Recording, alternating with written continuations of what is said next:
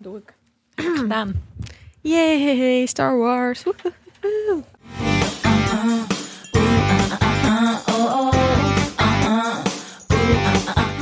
Dit is de Vierkante Ogen Show, jouw wekelijkse fanpodcast over popcultuur. De trailer van het nieuwe seizoen van The Mandalorian is net uit en dat is een goede reden voor onze speciale Vierkante Ogen Show minisodes, want wij zijn fan. Natuurlijk kijken we nog steeds elke week undercover, maar af en toe maken we ook een speciale aflevering van de Vierkante Ogen Show over bijvoorbeeld een film of serie of in dit geval een trailer die we niet onbesproken kunnen laten.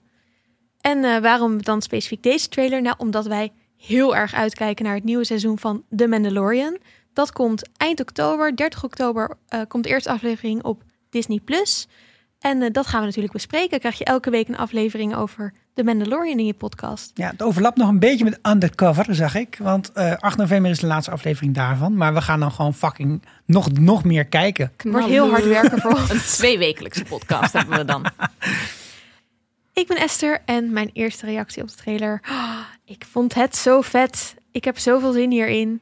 Ik, ehm, ik was in eerste instantie vooral keek ik alle films eh, van Star Wars. eh, en The Mandalorian was eigenlijk mijn eerste side trip in het Star Wars universe. Heel erg van genoten afgelopen jaar. Maar ik ben in de tussentijd ook begonnen met het kijken van de Clone Wars. Want hey, ik heb nou eenmaal zo'n Disney eh, abonnement. En dan mm, ja, wat, moet je toch iets. Eh, en nu leer ik dus super veel over de achtergrond van de hele Mandalorian. eh, ook weer eigenlijk een beetje een eigen universe met hun geschiedenis en, en burgeroorlog. En nu krijg ik echt, nu heb ik nog zoveel meer zin. Om... Het is, het is natuurlijk geen Star Wars Universe, maar een galaxy. hè. Oh ja, toch precies. far, far away, toch? Of niet? Ehm, ja, het voelt nu, nu ik de Clone Wars kijk, eigenlijk een beetje alsof ik Game of Thrones keek, maar niet de boeken las. En alsof ik nu eindelijk de boeken aan het lezen ben. Dus eh, ja, nee, ik, ik werd helemaal blij van de trailer. Nou, mijn naam is Anna Luna. En eh, ik ben best wel een casual Star Wars fan. Dus ik heb alle films wel gezien, maar ik ben daar ook niet zeg maar, op mijn eh, twaalfde mee begonnen of op mijn achtste. Ehm, ik heb ze allemaal gezien. Sommige ik heb meerdere keren gezien. Maar dat is het wel zo'n beetje. En ik ben eigenlijk net pas begonnen met het kijken van de Mandalor- Mandalorian. Wat een tongbreker. The Mandalorian seizoen 1. Dus eh, ja, deze trailer, ik vond het vet, maar kon nog niet per se plaatsen hoe die zich verhield tot het einde van het vorige seizoen bijvoorbeeld. Jij bent ook op Twitter eh, aan het tweeten over jouw ervaring van seizoen 1, toch? Precies. Ja, Dus dus eh, wie dat leuk volgen. vindt om, eh, om mee te lezen, volg mij op eh, Twitter. Mijn handle is Annaluna Post. Ja, ik ben misschien eh, een stuk eh, minder casual kijker. Eh, ik was laatst bij mijn ouders. trouwens, ik ben sicko. Ik was laatst bij mijn ouders en mijn moeder had mij weer eens gedwongen om wat dingen van de zolder op te ruimen. En daar vond ik weer vier stuks Jar Jar Binks sticky tong throw apparaatjes van toen episode 1 uitkwam. en dat was slechts een heel klein topje van de ijsberg van pleurenzooi die er op die zolder ligt. Moet wel zeggen, ik ben sterk eh, teleurgesteld geraakt in Star Wars door de trilogie die Disney heeft verkracht. Maar The Mandalorian was voorjaar, vorig jaar voor mij wel een beetje weer de, ja, een nieuwe hoop om het zo maar te noemen. Dat het toch weer kon. En, maar ik heb dat ook in de aflevering van de podcast Geeky Dingen gezegd. Ik vond wel dat het heel erg voelde als een lang seizoen met sidequests. Waar hij eigenlijk bezig was om steeds een nieuw stukje van zijn... eh, eh, hoe heet het, Cuisar of zo, dat rare, eh, dat rare is armor. armor eh, bij elkaar te sprokkelen. En ik werd blij van deze trailer, omdat ik zag van, hé, hey, hier is iets. Ze hebben ergens op ingezet. Ze hebben het over de oorlog van The Great, The Mandalore the Great tegen de Jedi. Er is een hoofdquest, namelijk om Baby Yoda, hopelijk krijgt hij ooit nog een naam, om die to his home planet terug te brengen. Eh, misschien kan hij even bellen. Dus ik had het gevoel dat er, je komt volgens mij een beetje lijn in het verhaal. Ja, want even, wat vonden we allemaal vet aan deze trailer? Ik wil meteen eh, dit plus ene. Plus één, ja. Ik heb ook, het lijkt mij echt leuk en dat vond ik ook wel wat minder aan het vorige seizoen of in ieder geval gemiste kant, om gewoon nog wat meer te leren over alles in, in de Star Wars Gal- Galaxy in plaats Ja. van de universe. Want hoe ver voordat eh, de films zijn, is dit ongeveer? Nee, dit is vijf jaar na Return of the Jedi. Dus de films, eh, de allereerste trilogie. Daar wordt uiteindelijk eh, Darth Vader verslagen. En dit zit vijf jaar daarna ongeveer. Dus nadeel 6. Na deel zes. Maar Yoda is nu toch een baby? En die Nee, nee, nee. Dit is niet Yoda. Dat is wel een beetje een probleem ook in de, in de Oh, uitleg. Dit, dit, Nou, is, dit is een Yoda. En daar zit ook dingen. gelijk wel een beetje het gevaar. Eh, want het leuke aan Yoda, en eh, dat zei Sidney Smeets ook destijds in die podcast, is dat hij alleen is. Er is maar één Yoda. En het is ook niet gespecificeerd wat voor soort Yoda is. Het is gewoon de Yoda, punt uit klaar. En ze hebben de grote fout gemaakt om in episode 1 een soort tegenhangertje neer te zetten, Yaddle. Die zat in de Jedi Council, die leek heel erg op Yoda. En dat was dan ook een Yoda. Dat was eigenlijk een heel slecht idee. Ja. Dus ik ben ook wel een beetje huiverig op, over wat nu precies met dit verhaal moet. Ik hoop eigenlijk dat we nooit teruggaan naar de planeet van baby Yoda. Eh, want ik vind het wel leuk dat het gewoon een geheim is. Of dat het vaag is wat hij dan, eh, wat hij dan is. Ja. Ja. ik vroeg me ook af bij die stem van is het ehm eh, moet, bedoelt de armor hiermee? Want volgens mij is het, horen we in de trailer een gesprek wat, wat, wat ze eerder hebben gehad. Dus eh, Mando, de Mandalorian en, en de armor. En ik vroeg me af, moet hij, moet hij op zoek naar de familie van Yoda? Of moet hij op zoek naar de Jedi? Ik maar, denk wat de is Jedi. Dat hoop ik eigenlijk ook. Dat Ja, dat, want- eh, Baby Yoda heeft wel duidelijk Jedi eh, Force tricks. ja. Vond ik heel duidelijk. Ik eh, had heel erg bij deze trailer vibes van eh, een beetje de Lord of the Rings eigenlijk. Dus echt zo'n kweesten en iets van er moet iets voor de, de- het redden van de hele wereld. En dat kwam heel erg door die stem, die mij dus enorm doet denken aan Galadriel. I feel it in the water. ja, dit was, dit was voor mij deze vibe had deze trailer. En verder ja, snapte ik eigenlijk gewoon nog niet echt waar het over ging, want ik vond dat er heel weinig verhaal in zat. Het was wel heel spectaculair. Maar dat Ja. is misschien ook wel fijn, want er was niet al een soort dat je een halve aflevering gezien hebt als je de trailer. Dat vond ik Ja. ook heel fijn. Ja, en wat, wat het eerste seizoen van de Mandalorian gewoon heel goed deed, was iets heel moois neerzetten. En eigenlijk wat eh, wel een beetje de belofte was van de nieuwe films toen ze daarmee begonnen, was dat je die oude films hebt. Eh, de, echt, de echte oude films, dat zijn natuurlijk allemaal hele mooie shots. Maar als je die tegenwoordig maakt, zijn ze gewoon zoveel mooier. Dus ook met zo'n speeder door een woestijn heen gaan. Ja, er zitten heel veel mooie scènes in de Mandalorian. Die, dit, dat, je hebt echt het gevoel dat het ding bestaat en dat het echt kan. En dat je er trucjes mee uit kan halen, dat je het af en toe moet repareren.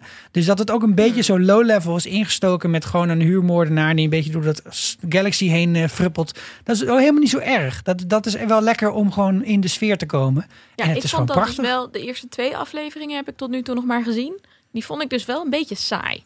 Dus ik hoop heel erg dat het straks spannender wordt. En eh, iedereen die dat leuk vindt, kan dus ook eh, op, op eh, de hoogte blijven hoe eh, de rest van het seizoen mij bevalt. Ja, hoe jouw sidequestie bevallen. Ja. Even terug naar de trailer. Oh ja, sorry. We gaan... Ja, maar het is maar anderhalf minuut. Ik Nee, nee, ik ben het met je eens. Nee, maar ik vind het leuk. Ik wil ook nog een aflevering maken van de Vierkante Oogshow over terugblik op seizoen Dat 1, gaan we vooruitblik op seizoen Ja, 2. ja. Die komt er nog aan. Dus, maar dan moet eerst Anneluna even alle afleveringen hebben gekeken. ja, en dan vallen er allemaal kwartjes. En dan ben ik ineens zo van, wow, oh my god, wat Ja. vet is dit. Ja. Sowieso. Maar een paar dingen die ik heel vet vond aan de trailer gaan onder andere over locaties die we hebben gezien. Bijvoorbeeld, eh, we Het is het zagen... ook? Locatie, locatie, locatie. Alles is locatie. Eh, dus we zien bijvoorbeeld een, eh, een Tusken Raider. Wat mete- meteen mij doet denken, we gaan naar Tatooine. Daar Ja. zijn die Tusken. We zien zelfs een soort van gebergte... wat een beetje lijkt op die plek waar Obi-Wan Kenobi eh, eh, woont in een New Hope. Ja, hij woont er nou niet meer. Hij woont er niet meer, helaas. Eh, er komt trouwens een spe- speciale serie. Disney is helemaal los aan het gaan op Star Wars Galaxy. Over Obi-Wan Kenobi. Ja, ze met te McGregor. maken. Ja. Ja, dus die eh, komt waarschijnlijk in 2021 aan. En niet geregisseerd door Benioff en Weiss. hè? Oh, wat een gelukje. Oké. Oh. Ehm, maar wat ik vraag me dus af, we eindigden bij The Mandalorian, seizoen 1, volgens mij ook op Tatooine. En toen, hoorde, toen zagen we daar iemand liggen en je hoorde zo iemand zo lopen. En het klonk alsof dat diegene klonk precies zo als in de films Boba Fett klinkt. Ja. Dus ik vraag me af, ik weet niet hoe het kan, want volgens mij is hij een gruwelijke eh, dood gestorven. In de pit of Sarlacc gevallen. Precies. Maar gaan we Boba Fett zien? Volgens mij is hij gecast of is er wel iets van... Maar kijk, weet je, is Boba Fett nu degene die in het pak zit? Of is de Boba Fett degene die in het pak zit? Oftewel, zou het zo kunnen zijn dat, dat, dat het pak van Boba Fett jou gewoon Boba Fett maakt? Want dat kan ik me nog wel voorstellen. Dat Vet. dat ding wat in de grond zit, dingen zit te herkauwen. En dat het enige wat niet echt lekker, eh, lekker in het verteringssysteem gaat. Dat is eruit is dat, gepoept. dat is eruit gekakt. Hè? Dat, ja, er, er zit een ingang. Er moet ook een uitgang zijn, eh, Esther. Ja, sorry. Goed punt. Ik weet Fair niet enough. welke scène dit naar verwijst. Nou, in de Return of the Jedi valt er op een gegeven moment. eh, zijn, dus dan hangen ze met van die, zweefbootjes boven zo'n zo'n gat in de woestijn. Met allemaal van die pincers erin. En daar flikkeren allemaal dingen in. En ook Boba Oh. Fett valt daarin. Ja, en er is nog een reden om te denken dat Boba Fett in deze serie komt. En dat is omdat er een of andere YouTuber weer heel erg enorm aan de Photoshop is gegaan. Maar je ziet op een gegeven moment een shot van eh de Mandalorian, onze Mandalorian, op een speeder. En op de achterkant van de speeder zit een pakketje. En aan de zijkant van de speeder hangt een bolletje. En als je dat helemaal uit vergroot, dan lijkt dat dus heel erg het, pak, het, het pakje van Boba Fett en zijn helm te zijn. Oh, I love Cool. the internet. Dit soort dingen, hè? ja, dit is Ja, zo ze hebben het geprobeerd te verstoppen, maar toch zit het erin. Ik, ik geloof wel dat er. eh, ze moeten dat ook eigenlijk wel doen. Het slaat helemaal nergens op om de Mandalorian te maken en dan niet iets met Boba of Django Fett te doen. Ja, want dat zijn eigenlijk de enige Mandalorians die, in, die we in de film zien, toch? Ja, Nee, daarom denk ik ook wel dat dat gaat gebeuren. ja.